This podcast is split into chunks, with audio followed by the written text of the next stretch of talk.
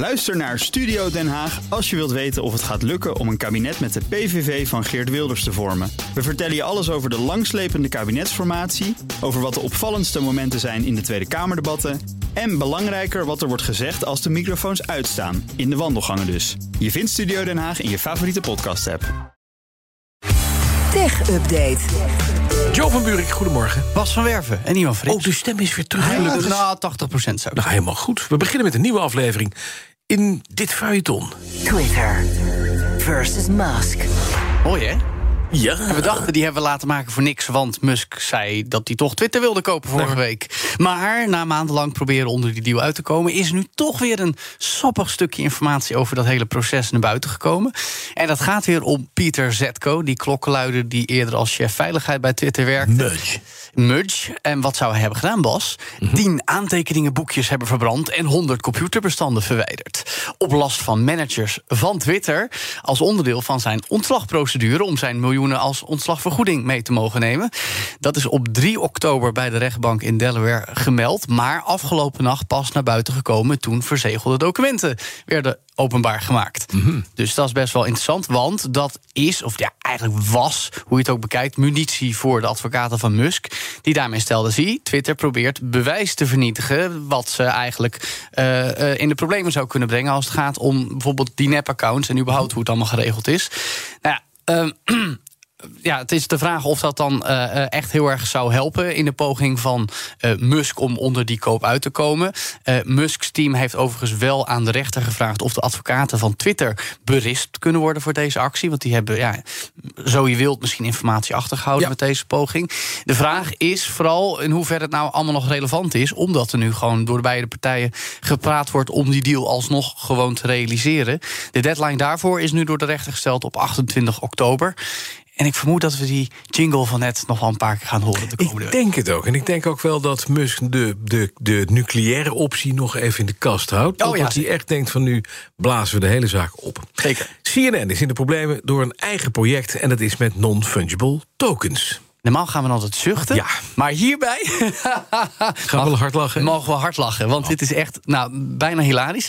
Vorig jaar zomer lanceerde CNN namelijk een collectie non-fungible tokens rond historische gebeurtenissen. Noem het een soort virtuele honkbalkaartjes eh, met figuren van Nelson Mandela tot Amerikaanse presidenten. Onder de noemer Vault by CNN. Logisch, want NFT's waren de tech-hype van 2021 voor allerlei bedrijven en hun hond.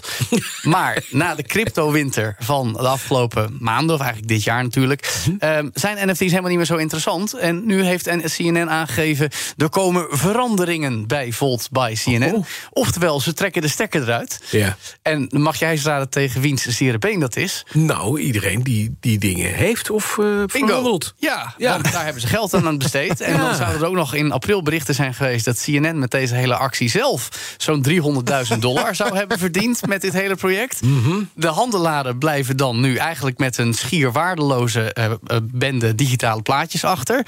Eh, daarmee beschuldigen CNN van een ordinaire rugpool. Oftewel, een project neerstallen. Mensen geven ons je geld Ja, en dan als het geld binnen is wegwezen. Juist. Dus ja, zo gaat dat dan. CNN heeft overigens wel aangeboden om die mensen wat compensatie te gaan bieden. Maar ja, dat zal dan neerkomen op 20% van de originele prijs toen die NFT's gemint werden. Dus ja, dat, eh, stel je hebt 11.000 eh, ingepompt, Ja. dan krijg je een klein beetje terug. Dus gaat 60 mil maximaal in. Ja, nou, Ja. Dat, ehm, Mhm. ik snap dat ze boos zijn. En Denk het het ook, geeft ja. ook weer aan dat het misschien niet zo'n goed idee is. Misschien kan je dan van jezelf een foto maken... hoe heel boos je bent en die als NFT verkopen Ja. aan CNN. Ja, ja, ik denk niet dat ze daarvoor betalen. En dan gaan we nog eventjes naar de topman van Microsoft Xbox. Die heeft zelf een bijzonder nieuw apparaat laten uitlekken. Ja, oh, oh, die stoute Phil Spencer toch? Want dat is de baas van Microsoft Xbox.